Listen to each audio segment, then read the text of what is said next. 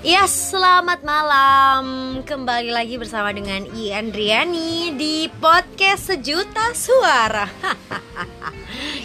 Oke, jadi malam ini ya aku sih pengen ngobrol santai aja sih sebenarnya ya.